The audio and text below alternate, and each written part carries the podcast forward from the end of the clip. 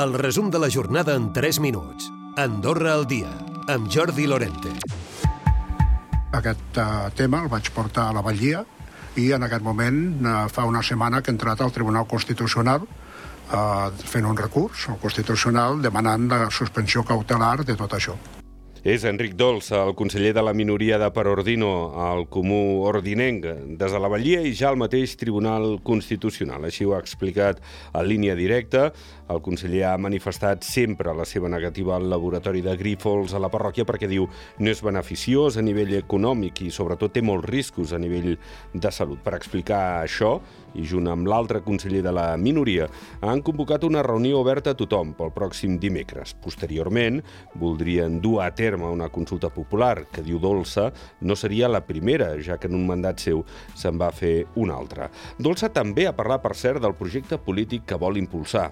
En aquest moment s'està treballant per fer llistes territorials a totes les parròquies, per fer una llista nacional, i estem parlant pues, amb, amb un equip nacional, amb un grup nacional, per a veure si podem arribar a acords per anar conjuntament a les, a les eleccions. Aquesta és la realitat, això ho sap alguna gent i això és així.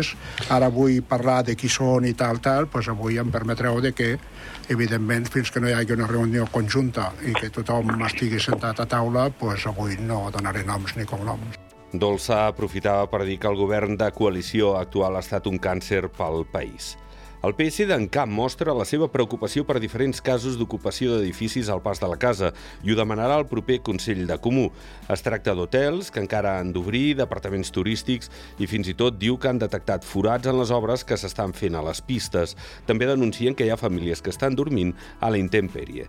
Precisament l'arribada massiva d'argentins, la majoria joves, per treballar la temporada d'hivern, està continuant, fugent del seu país, que pateix la cinquena inflació més alta del món i on el 40% de la població es troba en situació de pobresa. En parla el periodista del diari Clarín, Javier Firpo.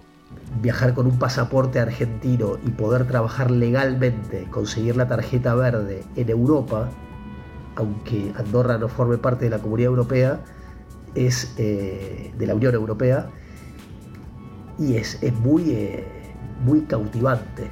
D'altra banda, les mancances en el parc immobiliari d'Andorra ja fa temps que estan afectant també la seu d'Urgell, on els lloguers s'han apujat al 40% en només dos anys, però l'ona expansiva va més enllà i s'estan a la resta de pobles de la comarca.